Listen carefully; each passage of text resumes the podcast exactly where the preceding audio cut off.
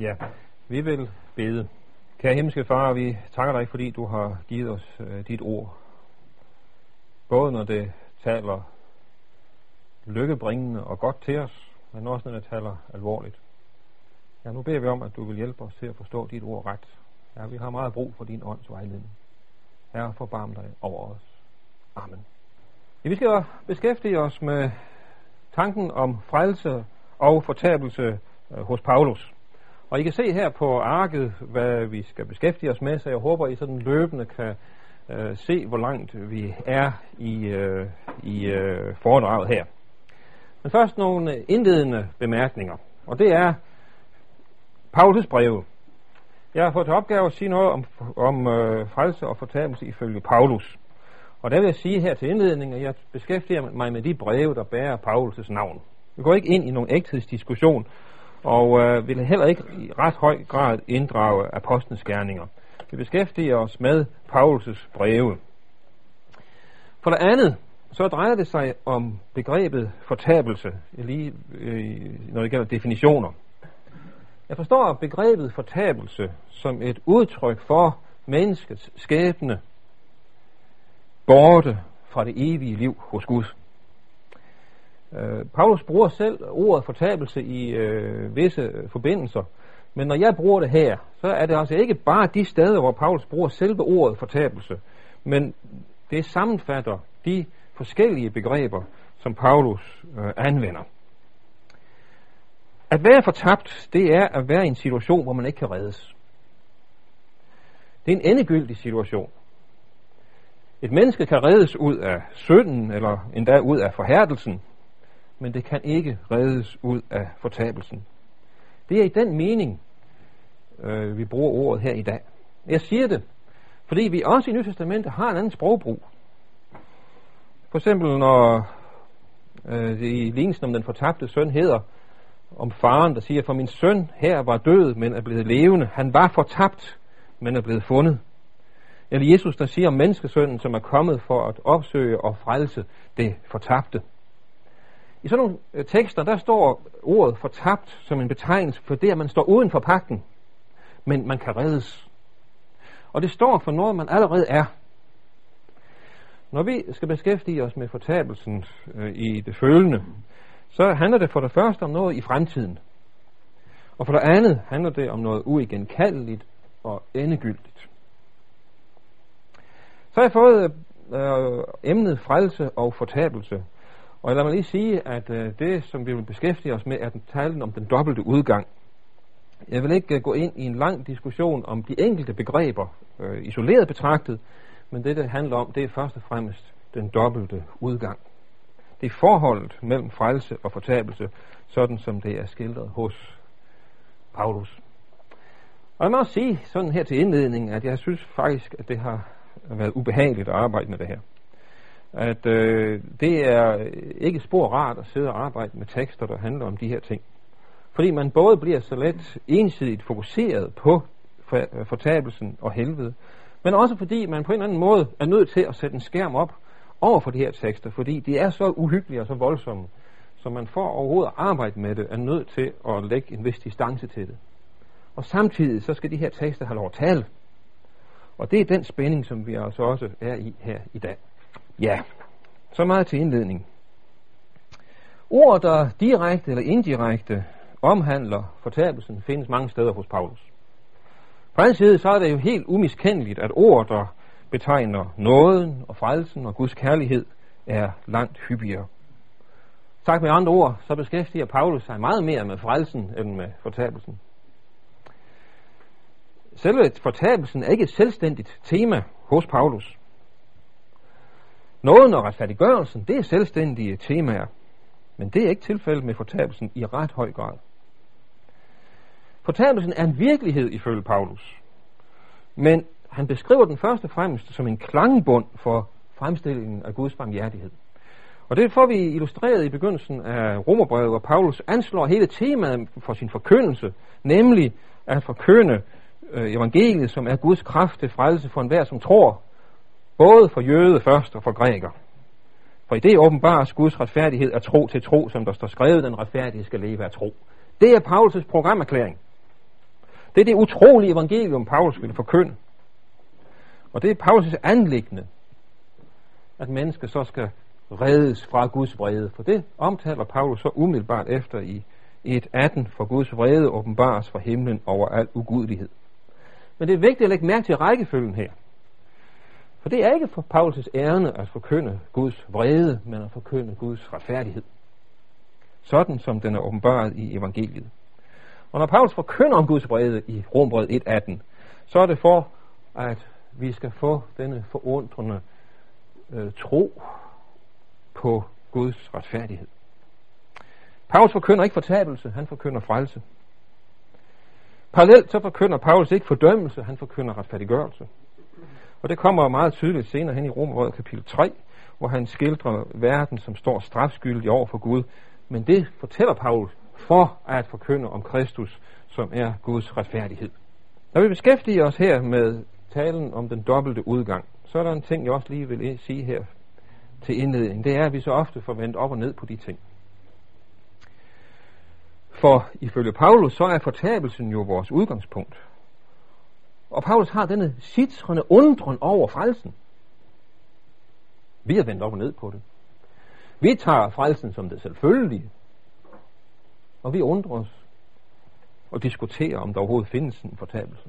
På den måde har vi fuldstændig skiftet perspektivet i forhold til, til det, som er Paulus' udgangspunkt. Fortabels, øh, frelsen først. Jeg nævner her på arken nogle ganske få ting. Jeg har så tænkt at, øh, at lægge vægten på ordene om fortabelsen. Men det er klart, når vi taler om frelse og fortabelse hos Paulus, så er det nødvendigt, at vi også sætter fokus på evangeliet om frelsesgrundlaget, som ifølge Paulus jo er Jesu død og opstandelse. Paulus siger til korinterne, at han i sin forkyndelse ikke ville vide af andet end Jesus Kristus og ham som korsfæstet. 1. Korinther 2.2. Han kalder sine tilhørere til øh, at tage stilling til evangeliet, som er ordet om korset. 1. Korinther 1.18. Det er et evangelium, som er en forarvelse for jøder og idioti for grækere, men den korsfæstede Kristus er i virkeligheden Guds kraft og Guds visdom. For jøder kræver tegn, og grækere søger visdom. Men vi prædiker Kristus som korsfæstet. En forarvelse for jøder og en dårskab for, krist, for hedninger. Og det budskab er for alle. Og øh, jeg mener, som der står her, og som jeg har anført på arket, at der er tre forskellige dimensioner, når det hedder, at Kristus døde for alle. For det betyder for det første, at han døde til bedste for alle, af kærlighed til alle. For det andet betyder det, at han døde i stedet for alle, det stedfortrædende aspekt, som ikke mindst kommer til udtryk i tolkningen af Isaias 53 i Nyt Testamentet. Og for det tredje, han døde som repræsentant for alle. En er død, altså er alle døde. Det som jo er fokus i 2. Korintherbrev kapitel 5. Ja, Jesu død er i egentlig forstand frelsesbegivenheden. Og Paulus kan knytte en lang række ord til det. Forsoning, sonoffer, forløsning, Øh, han har købt os for en pris. Og ved at oprejse Jesus fra de døde, så ved, viste Gud, at han vedkendte sig Jesu død. For var Jesus ikke opstået fra de døde, var hans død uden mening. Men nu har Gud ophøjet Jesus Kristus og skænket ham navnet over alle navne, den triumferende klang, vi har i Filipperbrevet kapitel 2. Og det er også Paulus' hjerteanlæggende, når han skal fortælle om sit apostolat. Han fortæller, at han ude ved øh, Damaskus blev kaldet til at forkynde, til at uh, blive apostel. Gud åbenbarede sin søn for mig, for at jeg skulle forkynde evangeliet om ham blandt hedninger. Der var et for at Gud kaldte Paulus med en ganske bestemt hensigt. Og hans anlæggende var ikke at forkynde Gud, eller Helligånden, eller loven, eller moral, eller at forkynde dom og fortabelse. Men meningen med, at Paulus blev kaldt til apostel, det var at forkynde Kristus. Det var at forkynde til frelse. Og derfor hedder det også i Galaterbrevet 3.1, I uforstandige galatere, hvem har forhekset jer? Jesus Kristus er dog blevet aftegnet for øjnene af jer, som den korsfæstede. Fortabelsen, Ja, Paulus forkynder frelse. Men han nævner jo altså også den grufulde risiko for fortabelse, og det er nu vores opgave at beskæftige os med nogle af de tekster, hvor Paulus kommer ind på det. Uh, umiddelbart så kan man jo have den opfattelse, at Paulus' ord om fortabelsen spiller en perifær og marginal rolle. For det første, så er det ikke så vældig ofte, at Paulus omtaler fortabelsen. Og det er som sagt kun i begrænset omfang et selvstændigt tema, for eksempel i begyndelsen af Romerbrevet. Men det er ikke et centralt anlæggende for Paulus at udmale fortabelsen, og han gør sig en ganske få overvejelser i den forbindelse. For det andet, så er der en lang række udtryksformer, som påfaldende nok slet ikke forekommer i Paulus' breve. Udtryk, som vi kender fra evangelierne, som vi var inde på øh, sidste gang. Paulus taler ikke om det sted, hvor der er gråd og tænderskærn. Selve ordet dødsriget findes ikke hos Paulus. Ordet helvede findes ikke hos Paulus. Heller ikke øh, begrebet den anden død, som vi kender fra åbenbaringsbogen. Han taler ikke om ildovnen, eller om mørket udenfor. Paulus taler ikke om ild og svovlsøen.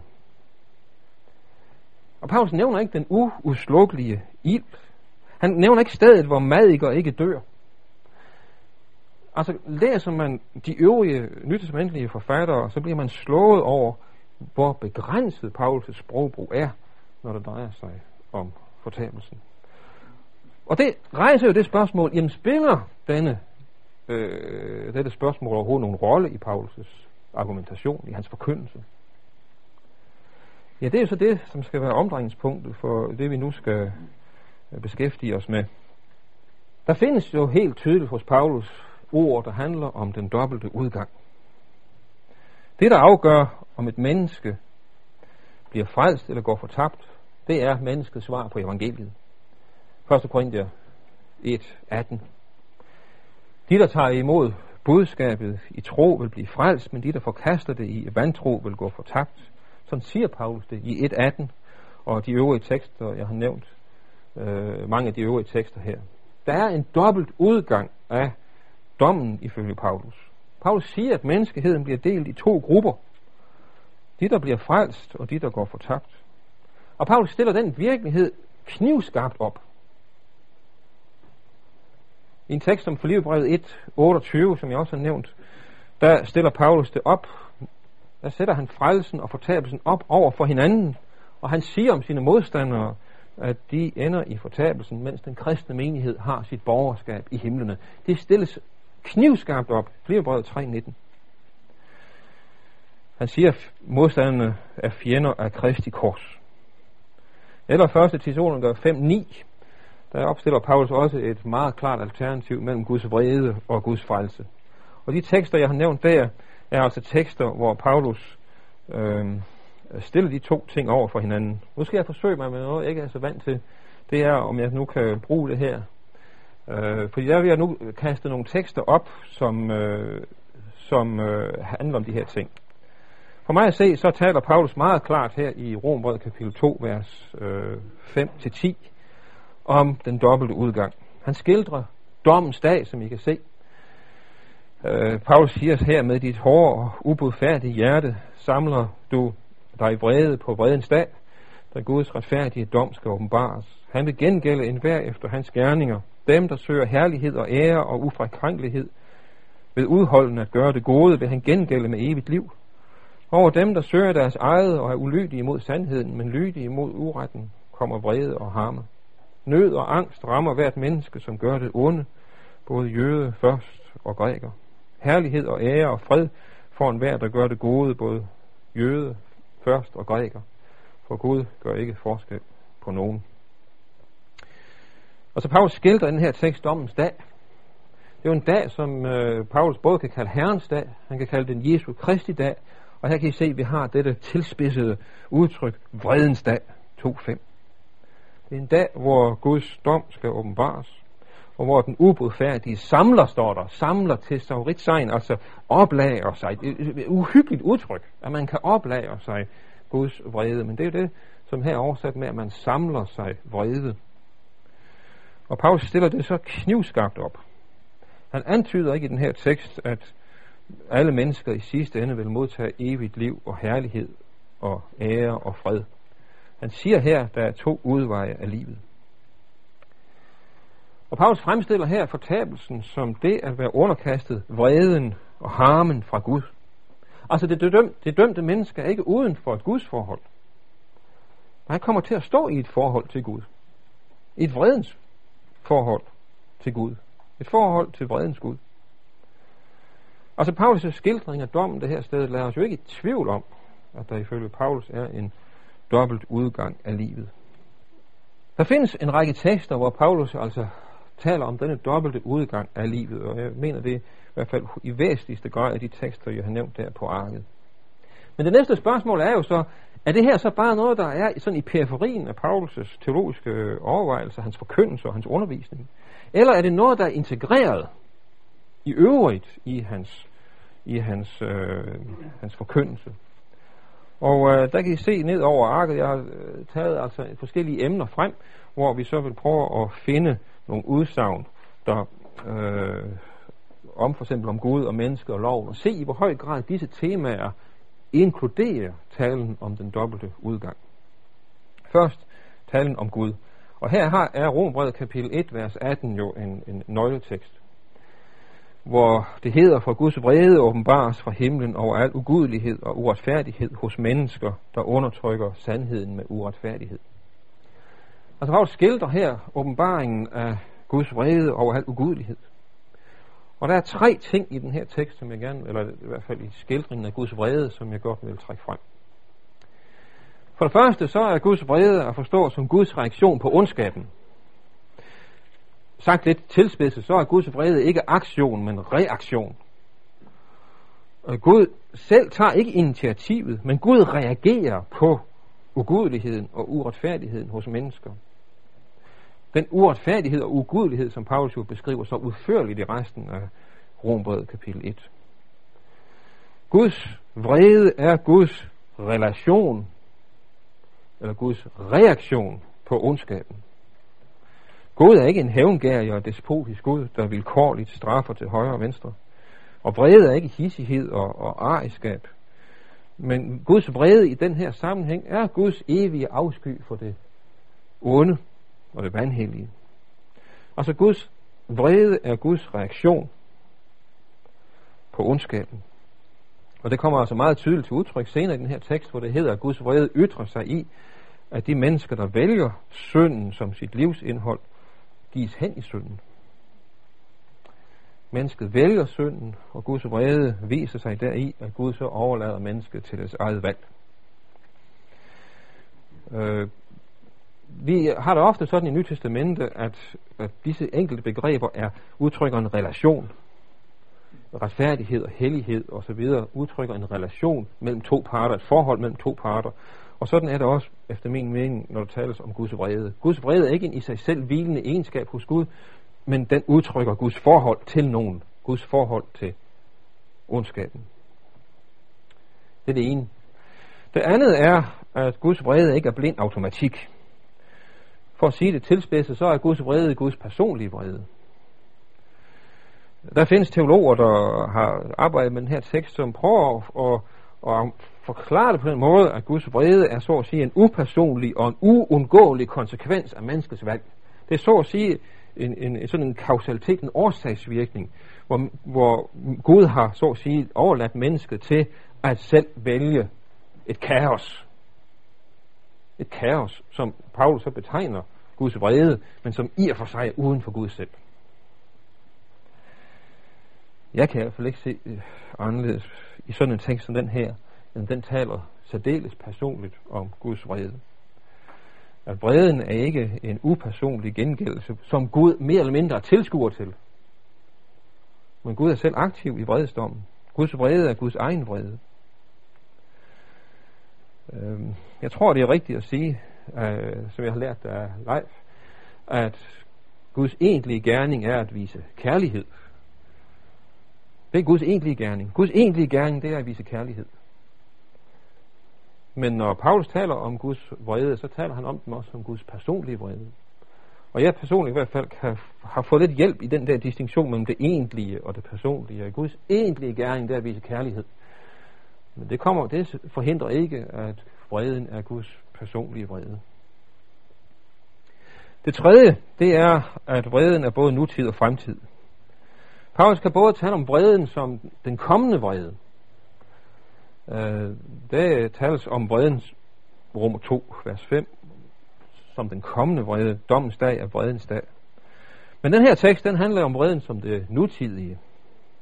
Den vrede, som allerede er åbenbaret over øh, menneskene. Så for mig at se, så er det helt klart, at i Paulus' gudsbillede, der er talen om den dobbelte udgang inkluderet. Går vi så til synet på mennesket, ja, øh, der er i hvert fald en tekst, som er meget markant, nemlig den i Efterbrevet kapitel 2, vers 3. For her øh, taler Paulus om hedningerne, som i vores køds begær gjorde vi, hvad kødet og sindet ville, og vi var af natur vredens børn, ligesom de andre. Paulus bruger jo her et, et, et, et provokerende udtryk. Vredens børn. Og dermed menes jo naturligvis ikke, at man var født med vrede, så man går rundt med som, som sådan et vredagtigt menneske. Vel? Men, men tanken er jo, at man er underlagt Guds vrede. En uhyggelig tanke, som det er svært at tænke til bunds. Men det er i hvert fald det, der er, er konteksten for, så at Paulus senere taler om, om, om nåden. At noget er i frelst ved tro. Det er modsætningen. At I er vredens børn, at noget er i frelst ved tro. Noget og vrede stilles over for hinanden i den her tekst. Noget, når troen står på grænselinjen mellem Guds vrede og Guds barmhjertighed. Jeg skal skynde mig at sige, at det er jo en speciel tekst hos Paulus, den her. Fordi normalt, når Paulus skal beskrive, beskrive mennesket, så bruger han jo ord som krop og sjæl og kød og, og ånd. Det er klart, den her tekst er specielt, men vi kommer jo ikke udenom, at den hører også med, når vi skal skildre Paulus' syn på, hvem mennesket er. Og det, som Paulus altså siger her, det er, at hvert menneske står i en relation, som vi var inde på før. Nysmændet tænker meget i relation, i forhold. Mennesket bliver ikke beskrevet som et menneske isoleret betragtet, men mennesket er helt fra fødslen sat ind i et forhold til Gud. Det er en sønder.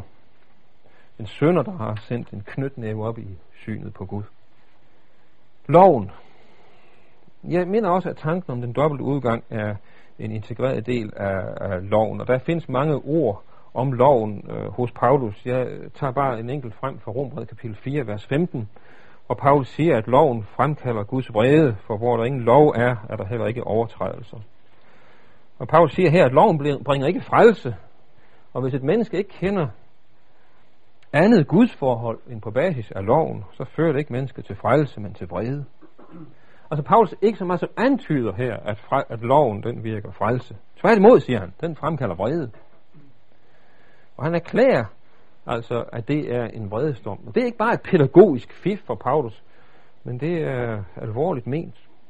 Øh, loven forkynder ikke bare vrede på skrømt, men et lovbestemt forhold til Gud er et vredens forhold til Gud, siger Paulus. Og den vrede kan et menneske kun befries fra ved at gribe om evangeliet øh, om Jesus Kristus. Mange andre steder øh, har vi også, eller i hvert fald et par andre steder har vi også denne tanke ind. Jeg har nævnt på Arke Rombrød kapitel 2, vers øh, 12 og 13, hvor Paulus taler om dem, der synder uden loven, som skal gå fortabt, og dem, der synder med loven, skal gå fortabt. Og der, der sættes loven ind også i den samme kontekst. Og vi har en interessant tekst i 2. Korinther 3.9, hvor han taler om Moses tjeneste, som var fuld af herlighed. Hvis der var herlighed ved Moses tjeneste, var meget mere der så ikke var apostlen tjeneste. Og dog, siger Paulus, Moses tjeneste var alligevel fordømmelsens tjeneste. Han bruger det udtryk fordømmelsens tjeneste. Lovens tjeneste er fordømmelsens tjeneste. Og pointen er jo, at loven fører til fordømmelse. Men evangeliet har naturligvis også den baggrund. Den dobbelte. Altså når loven har det, så har evangeliet det også. Og her har jeg nævnt, øh, anført teksten fra Rombrevet kapitel 5, vers 9, hvor Paulus taler om, at vi ved Kristus er blevet gjort retfærdige i kraft af hans blod, og ved ham frelses vi fra vreden. Her tales jo om det futuriske, den fremtidige vrede. Den dag, hvor de retfærdiggjorte vil blive frelst. Paulus siger her, øh, altså, han taler her om, at det, der er evangelisk gave, det er frelsen fra vreden. Så når Paulus skal forklare, hvad evangeliet går ud på, så er talen om, om, om vrede altså en del af det. Og jeg har nævnt på arket også øh, andre. Vi har en parallel tekst i 1. Thessaloniker 1, øh, 10, som er interessant derved, at den fortæller om Paulus' missionsforkyndelse, den allerældste en af de allerældste vidnesbyrd om Paulus' forkyndelse, 1. Thessaloniker 1.10, hvor den dimension netop er med.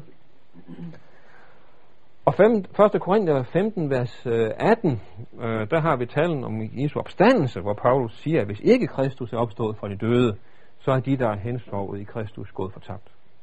Så vil det være de yngværdigste af alle mennesker. Men i kraft af Jesu opstandelse, så er fortabelsen ikke den eneste udgang af livet for dem, der dør i Kristus. Nu er evangelium og øh, apostolat nært knyttet sammen øh, hos Paulus. Og derfor, når den dobbelte udgang er en integreret del af Paulus' beskrivelse i evangeliet, så bliver det naturligvis også det, når det drejer sig om apostolatet.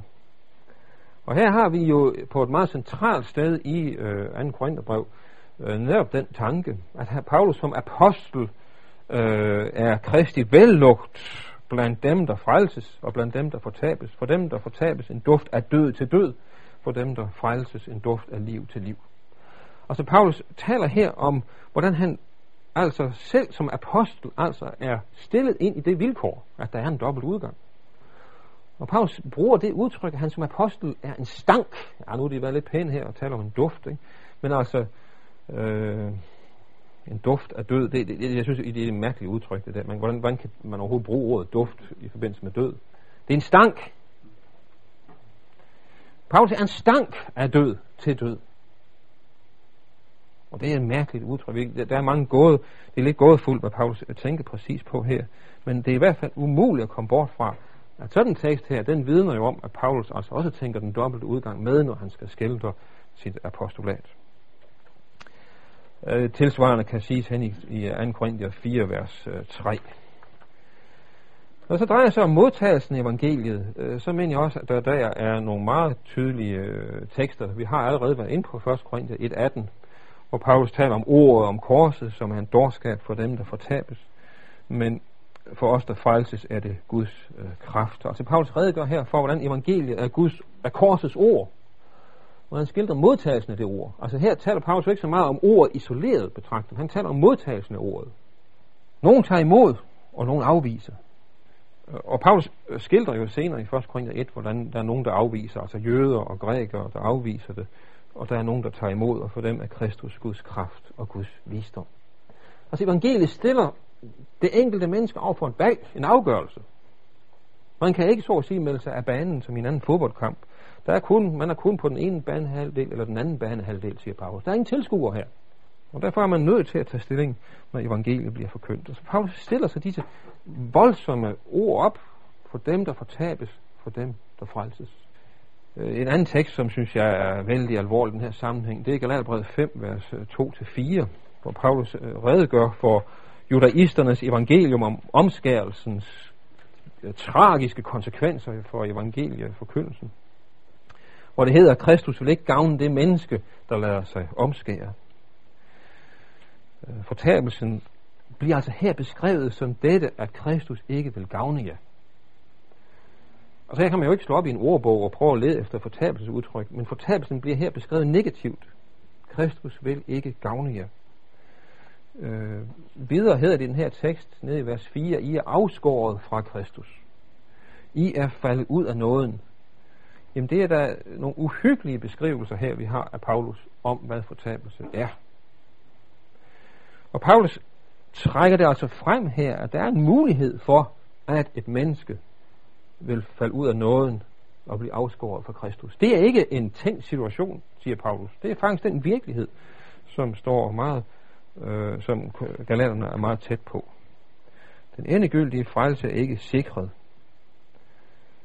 Faktisk er det muligt, at Kristus ikke vil gavne jer, siger Paulus til øh, galaterne. I den sammenhæng mener jeg også, at retfærdiggørelsen er, er aktuel, for Paulus taler jo om nu er der ingen fordømmelse for dem, der er i Kristus Jesus, Rombrød 8.1. Og retfærdiggørelse er jo befrielse fra fordømmelse. Men det betyder jo så også, at den, der ikke er retfærdiggjort af tro, er under øh, anklage og fordømmelse. Det er jo den ubehagelige og frygtelige konsekvens af det, Paulus siger. At der bag ved den triumf, der er i Rombrød 1.9, er der jo en uhyggelig, en meget uhyggelig virkelighed.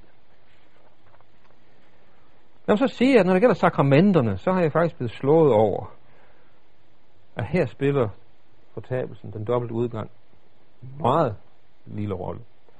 Nadveren bliver beskrevet som et fællesskab med Kristus. Her sker en ihukommelse af Kristus. Vi forkynder Kristus ind til han kommer. Men for mig at se, så sætter Paulus ikke nadveren i direkte forbindelse med øh, talen om fortabelse og dom. Der er et enkelt sted, hvor det sker. 1. Korinther øh, 11, 31, hvor Paulus formaner menigheden til ikke at spise og drikke sig selv en dom til. Men det er på sådan en indirekte måde, Paulus taler om det i forbindelse med nadveren.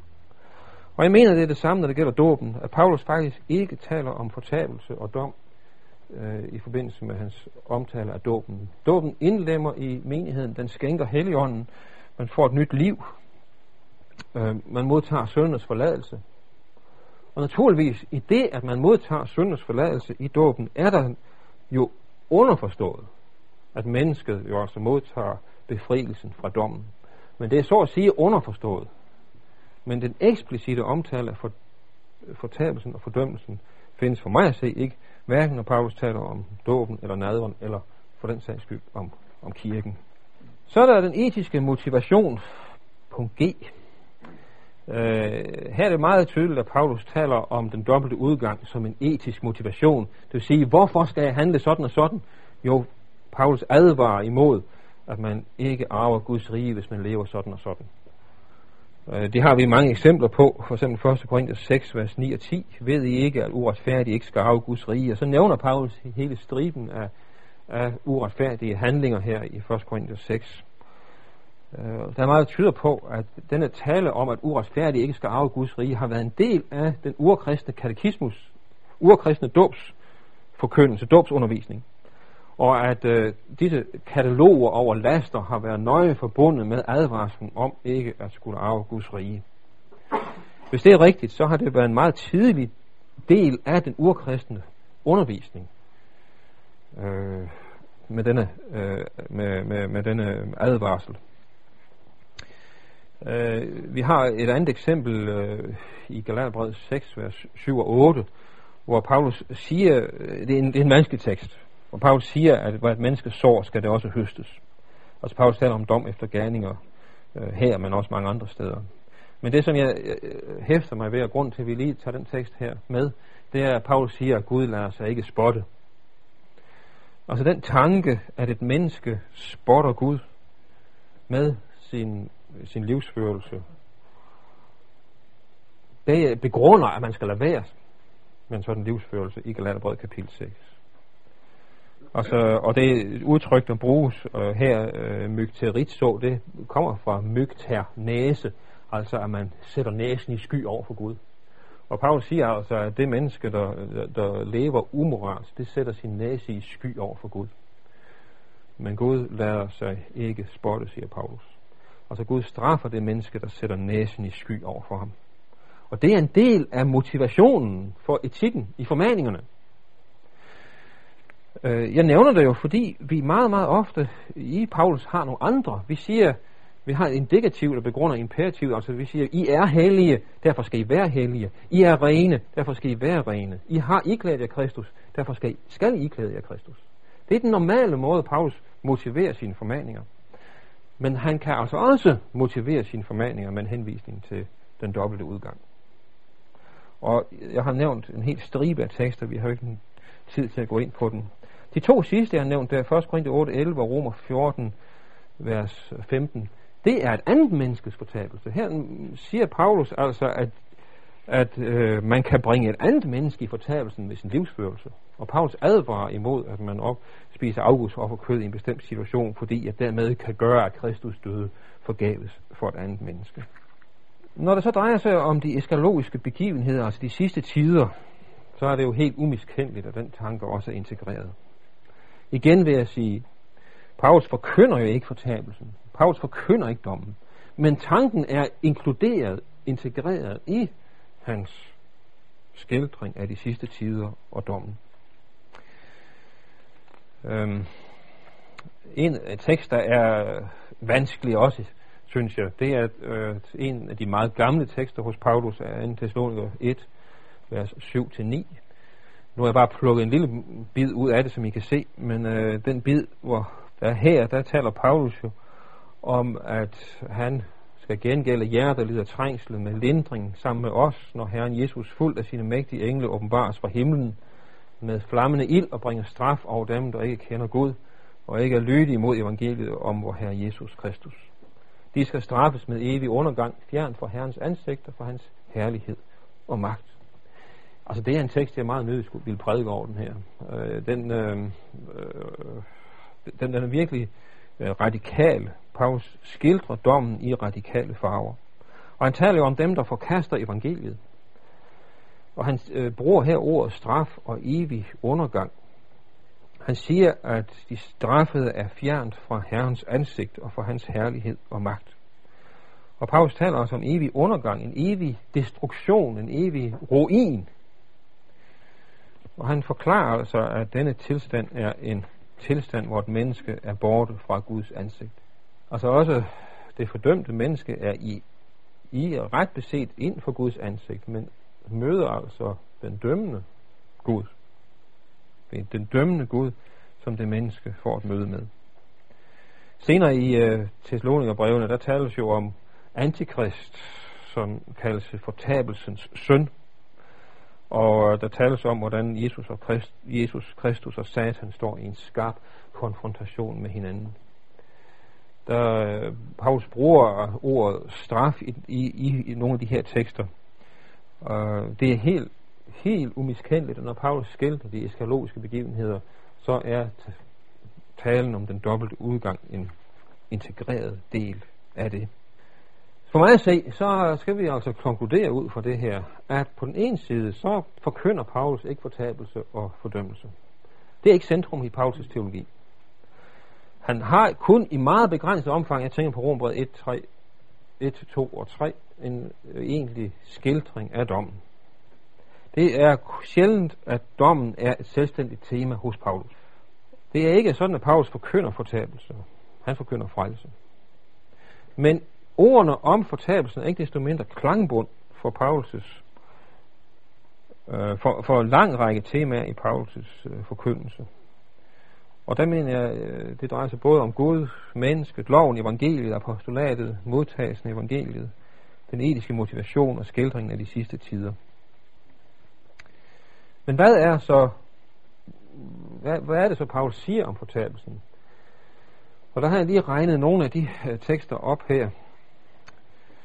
Øh, Paulus forkynder øh, for det første fortabelsen negativt. Han siger, hvad fortabelse ikke er. Det er for eksempel det ikke at arve Guds rige. Det er, at man bliver afskåret fra Kristus og falder ud af nåden. Fortabelsen er det sted, hvor nåden ikke findes. Øh, det er for mig at se en meget hyppig måde for Paulus at skildre fortabelsen, nemlig negativt. At det er det sted, hvor frelsen ikke er. Men der findes jo også, også udsagn, hvor Paulus siger, hvad det så er. Og der kan vi ikke få gå ind i detaljer her. Jeg nævner bare lige øh, hurtigt, at han taler om det at blive underkastet Guds vrede og harme. Øh, nogle tekster, hvor det står. Fortabelsen er det sted, altså Gud møder ondskaben med vrede, det betyder, at han møder fortabelsen med vrede. Det er øh, det sted, hvor der er fordømmelse. Og der kan man jo øh, prøve at se det i relation til retfærdiggørelsesland, for retfærdiggørelse og fordømmelse står som modsætninger. Det vil sige, fortabelsen er det sted, hvor mennesket bliver tilregnet det synder. Altså mennesket bliver uanset hvad tilregnet noget. Det bliver enten tilregnet Kristus eller tilregnet dets egne synder. Og i 2. Korinther 5.19, der taler Paulus netop om Gud, der i kraft af forsoningen ikke tilregner os vores synder. Det er det sted, hvor der er ikke velsignelse, men forbandelse. Og lad mig sige, jeg gjorde mig den, øh, øh jeg, jeg, jeg fik sådan en helt gåsehud, da jeg kom til at læse det, vel, fortabelsen af det sted, hvor der ikke er velsignelse, men forbandelse. For jeg gav mig til at prøve at negere for eksempel den agnitiske velsignelse. Og den bliver simpelthen uhyggelig, når man tænker på den sataniske udgave af den agnitiske velsignelse. Herren forbande dig og slippe dig. Herren formørke sit ansigt over dig og fordømme dig. Herren sænke sit ansigt mod dig og give dig straf. Ja, jeg, nej, jeg ved slet ikke, hvad man skal sige til det. Det er redselsfuldt. denne fortabelsens udgave af den agnetiske velsignelse. Andre udsagn om dommen, det er, der sker en åbenbaring af ild. Øhm, der tales om trængsel og angst, øh, og jeg nævner de tekster, øh, der er aktuelle der. Øh, han taler om at blive eller være fornægtet af Jesus Kristus, og det er jo en, et tema, som vi finder ikke mindst i, i evangelierne, hvor Jesus taler om, at hvem han vil fornægte over for Gud.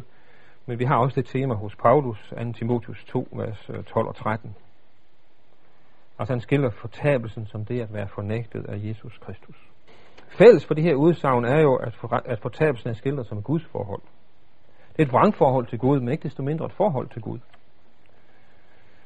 Øh, det er øh, igen, som vi har ind på, en relation. Når, øh, når taler om retfærdighed, så er man retfærdig i forhold til Gud. Man er hellig i forhold til Gud. Men altså også når det gælder fortabelsen, så står mennesket i en relation til Gud. Det fortabte menneske står i forhold til Gud. Øh, den eneste tekst, hvor, der, hvor, hvor det, synes jeg, bliver problematiseret, det er den tekst, der stadigvæk står på, på, på tavlen, øh, uh, Antitimonik 1.9, hvor Paulus taler om, at, om, at man bliver øh, hvor man bliver straffet med evig undergang, fjern fra Herrens ansigt. Men jeg tolker det altså på den måde, at det er fjern fra Herrens nådige ansigt. Fortabelsen er et Guds forhold. Det er ikke nådens, men dommens forhold til Gud. Så vil jeg også øh, lige nævne, at fortabelsen bliver skildret også som tab af liv. Altså mange gange så kan evangeliet skildre som det at få liv, men fortabelsen bliver så skildret som død. Og jeg nævner på arket nogle, øh, nogle eksempler på det. Død og undergang. Og der er en interessant øh, kombination i Romerbrevet kapitel 5, vers øh, 17 og 18, som jeg også har nævnt her, hvor, hvor Paulus taler om, at øh, ved den enkelts retfærdige gerning, der er det blevet os til retfærdighed og liv. Retfærdighed og liv. Og det er interessant, at de to ord bliver kombineret. Fordi omvendt så bliver fortabelsen altså både øh, uretfærdighed og død. Man kan jo groft sagt sige, at fortabelsen altså både bliver beskrevet som tab af liv, som destruktion, og som det at stå i forhold til Gud. Og Paulus taler altså om begge dele. Akkurat som frelsens gave både af liv og retfærdighed, så bliver fortabelsen død og øh, dom.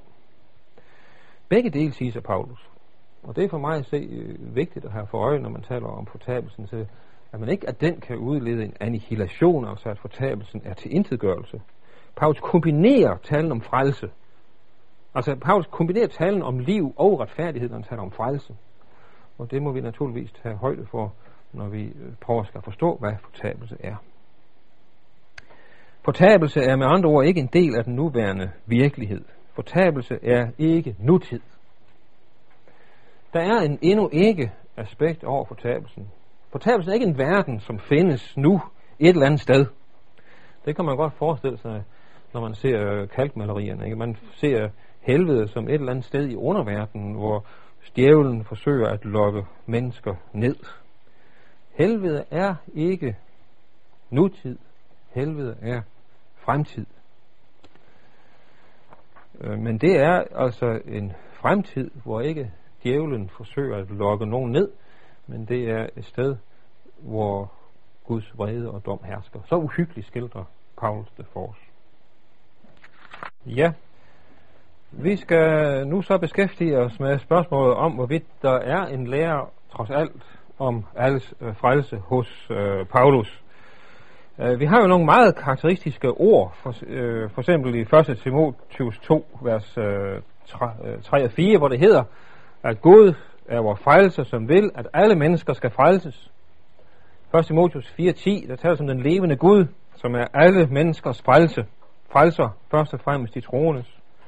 Eller Titus 2.1, Guds nåde er blevet åbenbaret til frelse for alle mennesker. Det er jo nogle meget radikale udsagn, vi har hos Paulus. Og øh, spørgsmålet er jo, hvad er det, Paulus øh, siger her? Paulus siger naturligvis, at frelsen indbefatter alle mennesker. Gud er alle menneskers frelser.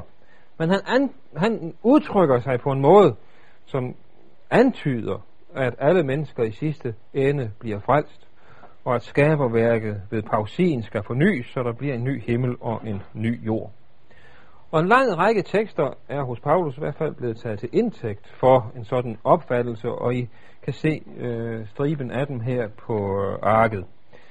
Øhm, jeg har også lige ladt dem komme op på øh, øh, læret her. Øh, den første tekst, som øh, vi skal se på, er Rombrevet kapitel 5. Øh, nu er jeg taget fra vers øh, 15 til 19, og vi vil læse det lidt i øh, uddrag. Øh, vers 15 står der, at øh, det forholder sig ikke med nådegaven som med faldet, for døde de mange på grund af den enes fald af Guds nåde og gave, så meget mere kommet de mange rigeligt til gode ved nåden i den ene, det ene menneske, Jesus Kristus. Vers 18. Altså lige som en enkelt fald blev til fordømmelse for alle mennesker, sådan er en enkelt retfærdig gerning også blevet til retfærdighed og liv for alle mennesker. Vers 19. For lige som de mange blev syndere ved det ene menneskes ulydighed, sådan skal også de mange blive retfærdige ved den enes lydighed. Altså Paulus stiller, opstiller jo her en modsætning mellem Adam og Kristus. At Adam førte synd og død ind i verden, men Kristus førte liv og retfærdighed ind i verden. Og Paulus opstiller ligheder og forskelle mellem øh, Adam og Kristus. For både Adams gerning og Kristi gerning havde universelle konsekvenser. Der er ligheder, og dog er der også forskelle, for Kristi gerning overgår langt Adams. Og det er den sammenhæng, hvor Paulus jo så bruger de her eller inddrager de her meget radikale udsagn, især i vers 18, hvor han taler om, at Jesu gerning bliver til retfærdighed og liv for alle mennesker. Det må da vel betyde, at alle mennesker i sidste ende bliver frelst. Og når vi har i vers 15 og vers 19 det der udtryk, de mange, så må det vel tolkes i lyset af det, der står i vers 18. Altså de mange i vers 15 og 19 må vel i lyset af vers 18 tolkes som alle. Det er en semitisk udtryksform, at når det hedder, at det, han, en dør for de mange, så betyder det alle. Sådan at vi kan oversætte ordet mange til alle. Så derfor, den her tekst, den lærer alles frelse. Hvad skal vi sige? Øh, jeg vil pege på øh, to ting. For det første skal vi hæfte os ved, at når Paulus her øh, opstiller denne øh, øh, parallel mellem Kristus og Adam, så taler han i første omgang ikke om individer, men om grupper. I det foregående har han talt om jøder og grækere. I øh, kapitel 1 siger han om, hvordan at Guds vrede er åbenbaret fra himlen over al ugudelighed hos hedningerne. Det er kapitel 1. Kapitel 2 drejer det sig så om jøder. Og øh, Paulus øh, siger som konklusion på det, at vi nu har anklaget jøder og grækere for at være under synd. Det kapitel 3, vers 9. Og derefter skildrer Paulus så Kristi frelsesgerning i Romerbrevet 5.8, at Kristus døde for os, mens vi endnu var syndere, uanset om vi er jøder eller grækere.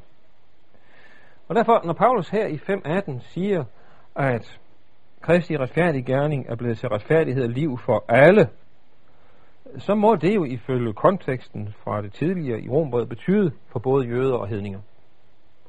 Og her er ingen af grupperne øh, udeladt, øh, men alle, altså både jøder og grækere, øh, døde Jesus Kristus for.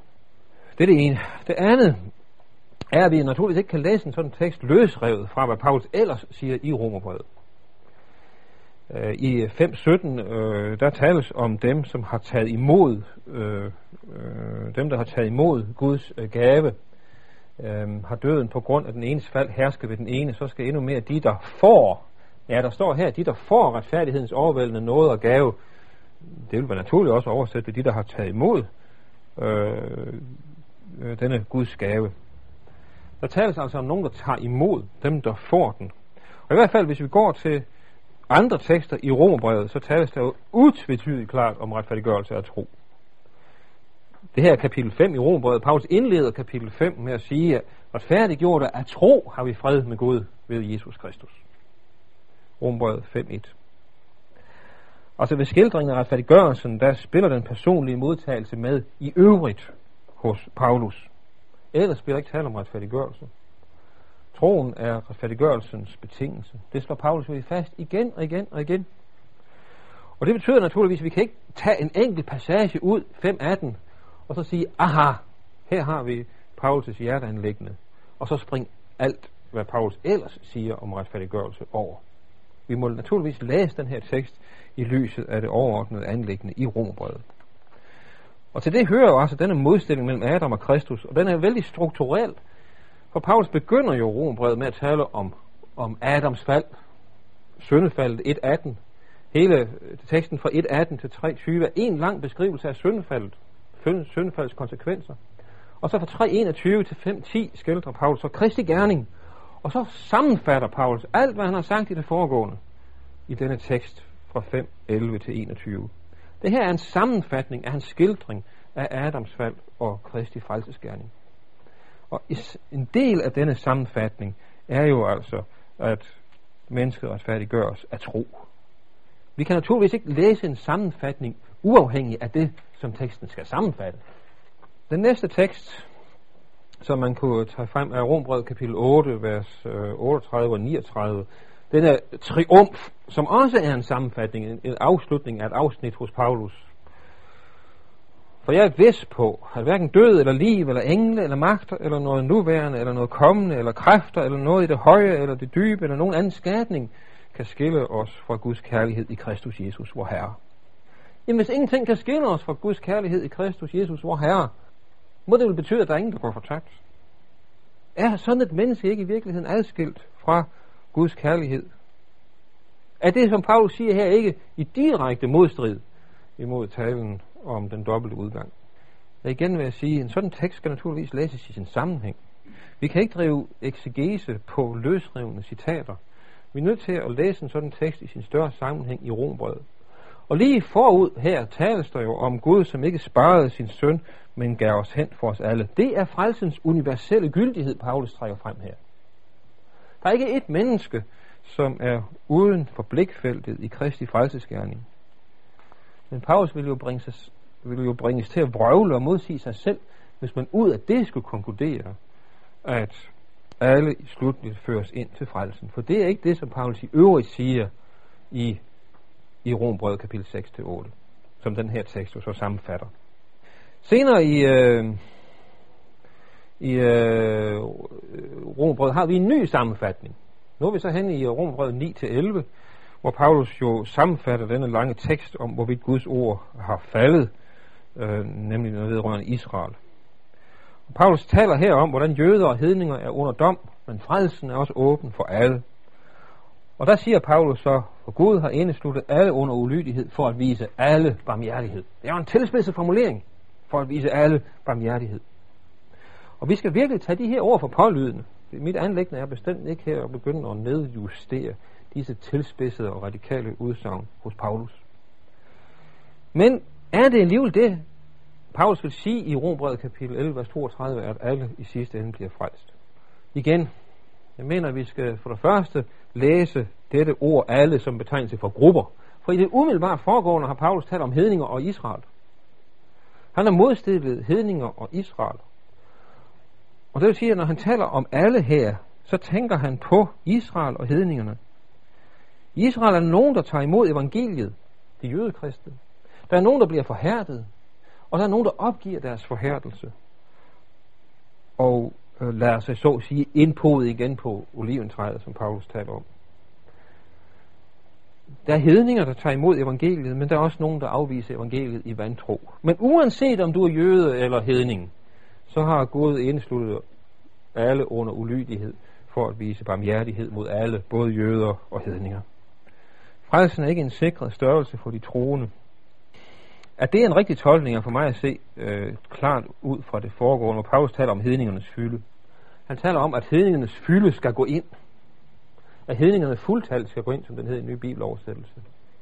Og sådan et udtryk kunne jo læses sådan, at det betyder jo så, at alle hedningerne ifølge Paulus vil komme ind i Guds rige. Men det vil jo være at rive sådan et udtryk løs af sin sammenhæng, fordi Paulus jo der i øvrigt i Rombrevet øh, taler meget stærkt om øh, forhærdelsens risiko. At det er dem, der tager imod evangeliet i tro, der her øh, kaldes hedningernes fylde, som går ind. Og det samme gælder ordet Israel, eller hele Israel. Han siger, at hele Israel skal frelses.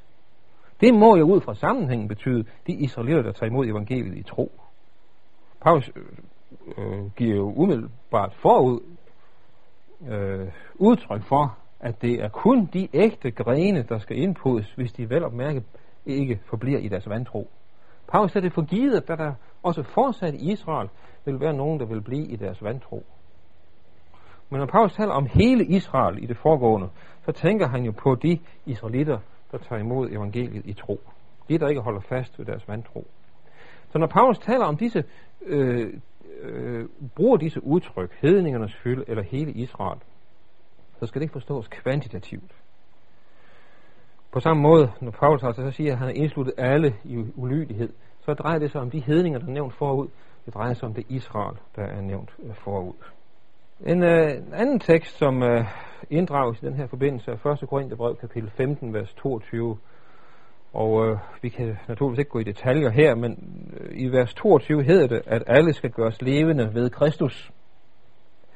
Det må vel betyde, at alle skal opstå. Der står jo, at alle skal gøres levende 15.22. Men der skal vi altså læse det naturligvis i lyset af, hvad der står lige bagefter. For lige bagefter, som I kan se, så står det i vers 23, hver til sin tid, Kristus som første grøden, dernæst, når han kommer, de, der hører Kristus til. Det vil sige, de alle, der skal gøres levende i Kristus, med Kristus ifølge vers 22, det er ifølge vers 23 de, der hører Kristus til. Øh, det er øh, simpelthen øh, konteksten, og vi må ikke læse vers 22 løsrevet fra sin sammenhæng med vers øh, 23. I vers 28 hedder det, at når alle disse magter er, under, er underkastet Gud og Kristus, så skal Gud være alt i alle. Øh, I det foregående tales der jo om øh, disse magter, gudfjendtlige magt og døden, den sidste fjende, som skal til intet gøres. Dem lægger han under sine fødder. På et tidspunkt skal magterne kapitulere. Deres herredømme skal brydes. Disse magter skal underkastes Kristus. Pointen er ikke, at de så skal blive frelst, men pointen er, at Guds herredømme så skal sætte sig igennem. Der er magterne ikke bare besejret, men så er de også kapituleret. De er allerede besejret i kraft af Kristi frelsesgæring. De er besejret, men den dag skal de også kapitulere og sættes ud af spillet. Der skal Gud være alt i alle. Det den her tekst handler om, er altså den universelle og alt omfattende kapitulation. En anden tekst er Filipperbrevet, kapitel 2, vers 9-11, som øh, er jo en del af en hymne, en salme, som man har sunget i, i, en, i de ældste kristne menigheder, sat op som poesi i den danske bibeloversættelse. Øh, det er jo fantastisk, at vi sådan får et blik ind i den urkristne gudstjeneste gennem sådan en salme, hvor man blandt andet har lovprist øh, Gud for ham, som har ophøjet Kristus og skænket ham navnet over alle navne, så har jeg lavet om i oversættelsen, for at for Jesu navn hver knæ skal bøje sig i himlen og på jorden og under jorden, og hver tunge skal bekende, at Jesus Kristus er Herren. Naturligvis skal der stå Herren øh, til Gud Faders ære. Alle skal bekende, Jesus Kristus er Herren. Men i sammenhængen er det ikke troens bekendelse. Det er den modvillige anerkendelse af, at Jesus Kristus er Herren. Den her bekendelse er ikke udtryk for tro, men for kapitulation. Og det kan man øh, finde bekræftet, hvis man øh, læser den tekst, som den her bygger på. Fordi den her tekst, den er salmes fra den urkristne gudstjeneste, bygger på Esajas kapitel 45. Jeg sværger ved mig selv, sandhed udgår min mund, ord der ikke vender tilbage. For mig skal hver knæ bøje sig, og hver tunge skal sværge ved mig. Og mig skal man sige, kun hos Herren er der retfærdighed og styrke. Alle, der raser imod ham, skal komme og blive til skamme. Det er det, som salmen her, altså hymnen, bygger på. At alle skal, som raser imod ham, selv, at alle, der raser imod ham, skal blive til skamme. De, der har komponeret den her hymne i den ældste kirke, bygger altså på en sådan tekst i, hos Esajas. Den handler om Kristi universelle herredømme. Og at Paulus ikke i Filipperbrevet taler om alles frelse, mener jeg, er utvetydigt ud fra andre tekster i brevet. Selve ordet fortabelse findes i 1.28. I 3.19 taler han om modstandere, som har buen som deres skud, og deres ende vil være fortabelse. Han siger, at vi skal arbejde på frelsen med frygt og bæven 2.12. 2.12. Og han opererer med muligheden for at have løbet forgæves. 2.15 og 17.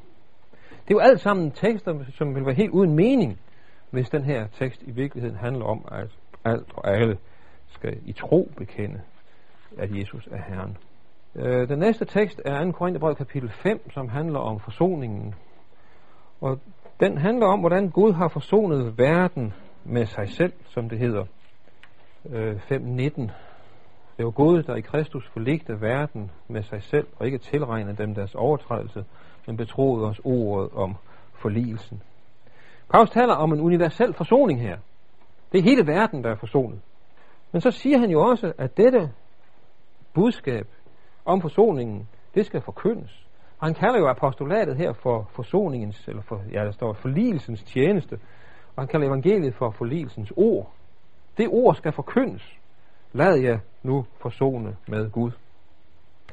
Så det, som er en objektiv virkelighed, det skal blive en individuel virkelighed. Mennesket kan faktisk sætte sig op imod forsoningen og afvise den, og derfor kaldes et hvert menneske til nu at forsone sig med Gud. I, øh, øh, i det foregående hedder det, er nogen i Kristus, er han en ny skabning. Det vil sige, Paulus tager det også for givet, at det ikke er alle, der er i Kristus, men den, der er i Kristus, er en ny skabning. Så øh, Paulus øh, skildrer altså her forsoningen som en universel handling, men den skal gennem evangeliet, gennem apostolatet blive en subjektiv, en individuel virkelighed. Paulus fastholder altså frelsens universalitet, men også menneskets frihed til at forkaste denne gave. En parallel tekst har vi i Kolossenser 1, 19 og 20, hvor Paulus taler også om forsoningen. Gud, som har forsonet alt med sig i 20, ved at stifte fred ved hans blod på korset. Gud har forsonet alt med sig, jamen, så er sagen vel klar. Ja, det er den naturligvis øh, i en vis forstand. Men vi kan ikke tage det her udtryk til indtægt for, at alle i sidste ende så bliver frelst. Fordi Paulus fortsætter jo, hvad? Den her tekst fortsætter jo med at sige, også jer, også jer, som var fremmede og fjendske af sind med jeres onde gerninger, har Gud nu forsonet. Hvis I da bliver i troen. Hvis I bliver grundfæstet og fastet i troen, uden at lade jer rokke fra håbet i det evangelium, I har hørt. Altså Paulus tager det for givet, at de er forsonet med Gud, hvis de bliver i troen. Og igen, vi kan jo ikke læse en sådan tekst løsrevet fra det, som Paulus siger bagefter. Hvad forsoning er en objektiv virkelighed gennem Kristi gerning, må blive en individuel virkelighed for det enkelte menneske, siger Paulus der. I øh, Efterbrevet kapitel 1 har vi også en tekst, der kunne tydes i, i den samme retning. Han taler om, at alt skal sammenfattes. Frelsesplanen er at sammenfatte alt i Kristus, både det himmelske og det jordiske. Alt er underlagt Kristus. Alt har Gud lagt under hans fødder. Øh, men det er også en tekst, der handler om, om øh, den universelle herredømme, at Gud så at sige lægger alt under Kristi fødder. Guds mening med skaberværket er, at det den dag skal være underkastet Kristus. At øh, den øh, er Paulus heller ikke i Efterbrevet. I den her tekst lærer alles frelse, kan man jo se andre steder i Efterbrevet, hvor Paulus taler om for eksempel, at ingen øh, uretfærdig har lod og del i Guds og Kristi rige. Kapitel 5, vers 5. Altså når Paulus kan sige sådan hen i kapitel 5, så er det urimeligt at tolke en sådan tekst som den her, på en anden måde. Så kommer vi til de tekster i pastoralbrevene, først øh, 2. Timotheus og Titus, som øh, også er prægnante, må jeg virkelig sige. Han taler her om Gud, som vil, at alle mennesker skal frelses. 1. Timotheus 2.4. I 2.6 hedder det, at han øh, gav sig hen som et løses, en løsesum for alle. I sammenhængen her i 1. Timotheus 2, der formaner Paulus Timotheus til at bede for alle mennesker for at de må leve et liv i Guds frygt og agtværdighed. På Paulus' tid, der var Nero på tronen, og Paulus formaner altså sine læsere til at bede for de ugudelige herskere i Romeriet. Bede for konger og for alle dem i høje stillinger.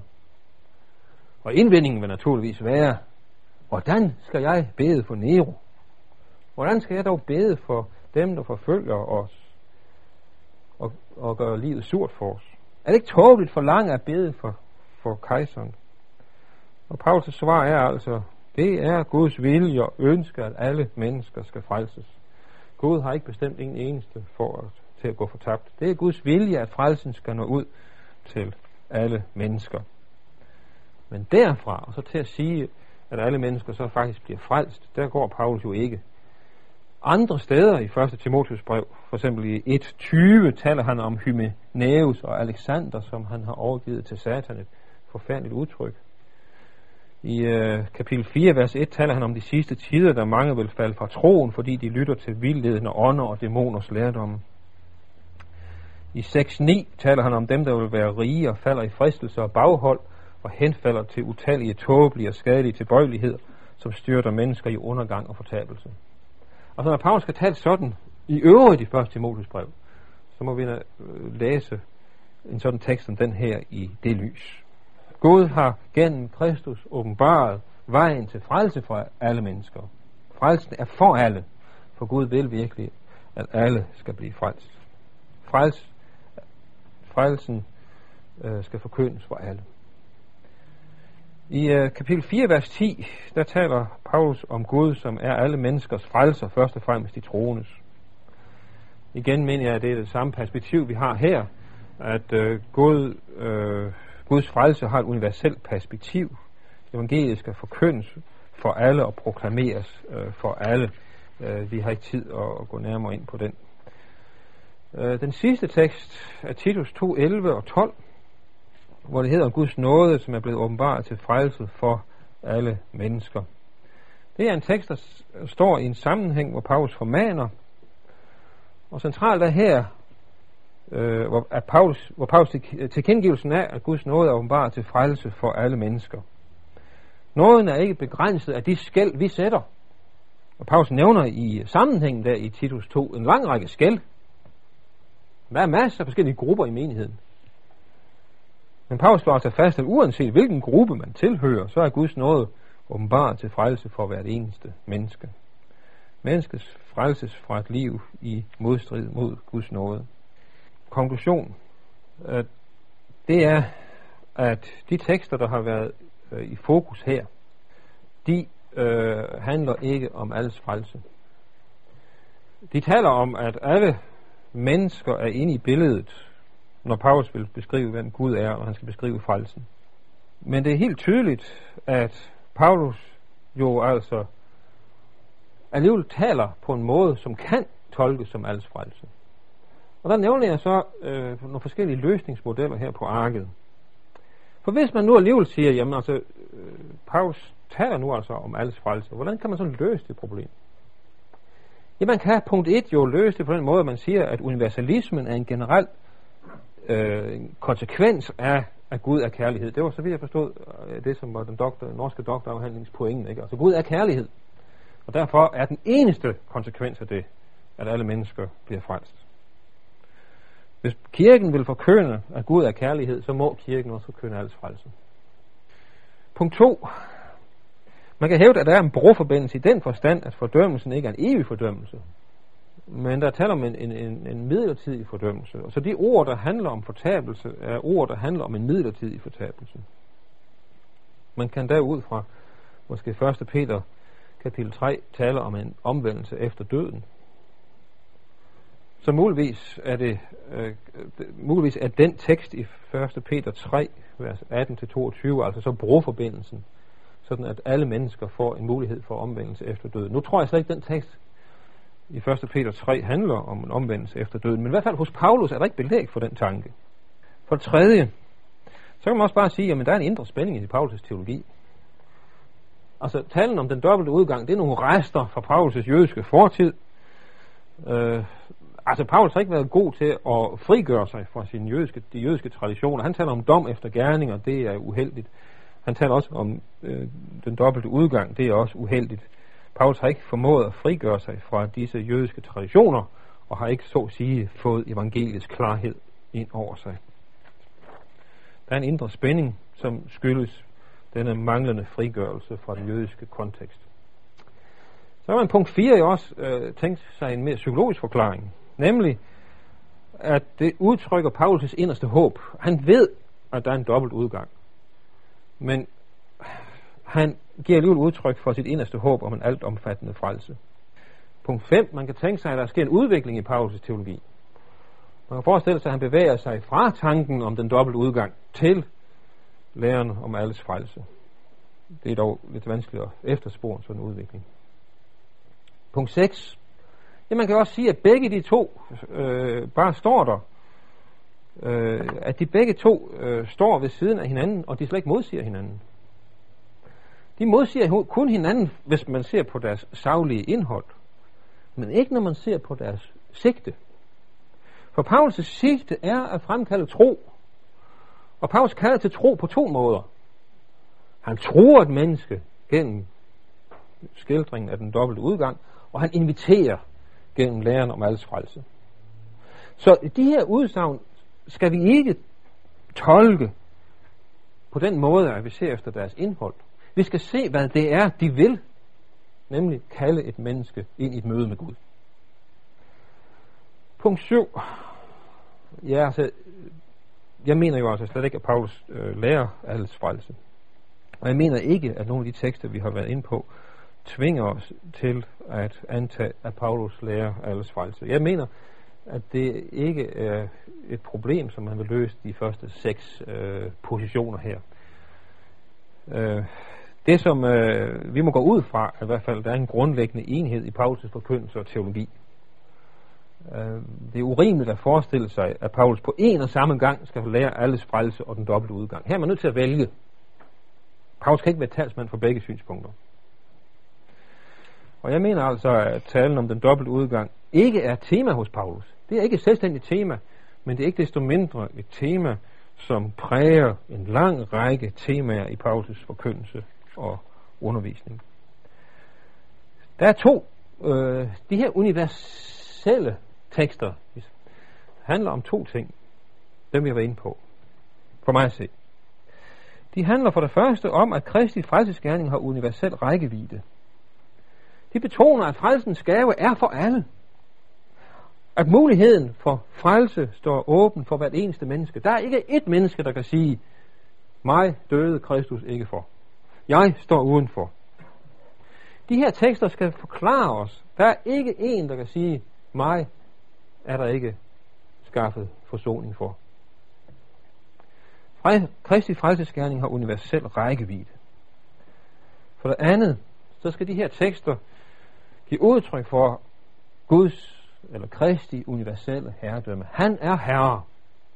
Det er ikke nødvendigvis troens, det kan også være kapitulationens øh, ord. Han er herre.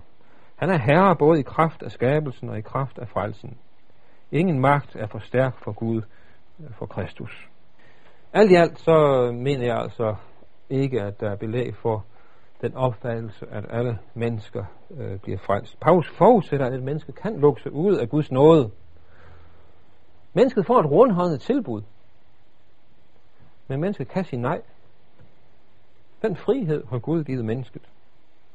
Det menneske, der ikke vil vide af Guds gave, det slipper også for Guds gave. Det er jo evident, at læren om alles frelse er en lærer, som et hvert seriøst menneske af hjertet gerne vil tilslutte sig. Hvem af os vil ikke gerne tilslutte os læren om alles frelse? Naturligvis vil vi gerne det, hvis ellers der var dækning for den hos Paulus. Det er anfægtende, at Paulus kan tale om, at der er nogen, der går fortabt. Det må martre enhver. At, frelse, at fortabelsen er en risiko for mig selv og for min nærmeste. Og derfor må læren om de her ting også vække protest på den ene side. Men på den anden side må den så også få os til at bede. Bede om noget for hvert eneste menneske, som vi kender. Bede og håbe og vidne. Og for mig er det også vigtigt, at de her tekster ikke får os til at ende med hovmod. Det er forfærdeligt, hvis man ved at beskæftige sig med de her tekster, i virkeligheden bare ender i hovmod. Hovmod over, at andre går fortabt angsten for hovmod må på den anden side ikke få os til overhovedet ikke at beskæftige os med det. Jeg tror, at vi på mange måder har været martret lidt af den her, at angsten for hovmod gør, at vi slet ikke vil beskæftige os med det. Og det er jo en misforstået næstekærlighed at fortige fortabelsen og, for, og forkyndelsen af de spørgsmål. Når Paulus nu siger, at det er en virkelighed, så er det vanskeligt for os at fortige den virkelighed. Vejen frem er ikke bortforklaring, men det er forkyndelse. og håb og bøn. Og så til allersidst. Hvis jeg har forstået Paulus ret, så, kan, vil han, så vil det kunne siges ganske kort, at frelsen er Guds skyld og fortabelsen er menneskets skyld. Paulus øh, siger øh, i Rombrevet kapitel 9, at Gud er fri. Gud forbarmer sig over, hvem han vil, og forhærder, hvem han vil. Gud er fri i sin nåde og sin barmhjertighed i sin gerning. Men det næste afsnit i Rombrevet kapitel 9-10, det handler om friheden fra menneskets side. At mennesket er fri til at vælge, hvad det vil, og Israel har valgt fra. Er der ikke blevet forkyndt for Israel? Er der ikke nogen, der har sendt? Jo, der er sendt, men Israel har sagt nej. Så det Paulus stiller op der i Rombrevet kapitel 9 og 10, det er friheden i Guds udvalgelse. Gud gør, hvad han vil. Og det er friheden i menneskets svar på den. Og jeg kan ikke se andet end det, som er Paulus pointe der i Rombrevet kapitel 9 og 10. Det er virkelig at få sagt, at frelsen er Guds skyld, og fortabelsen er menneskets skyld.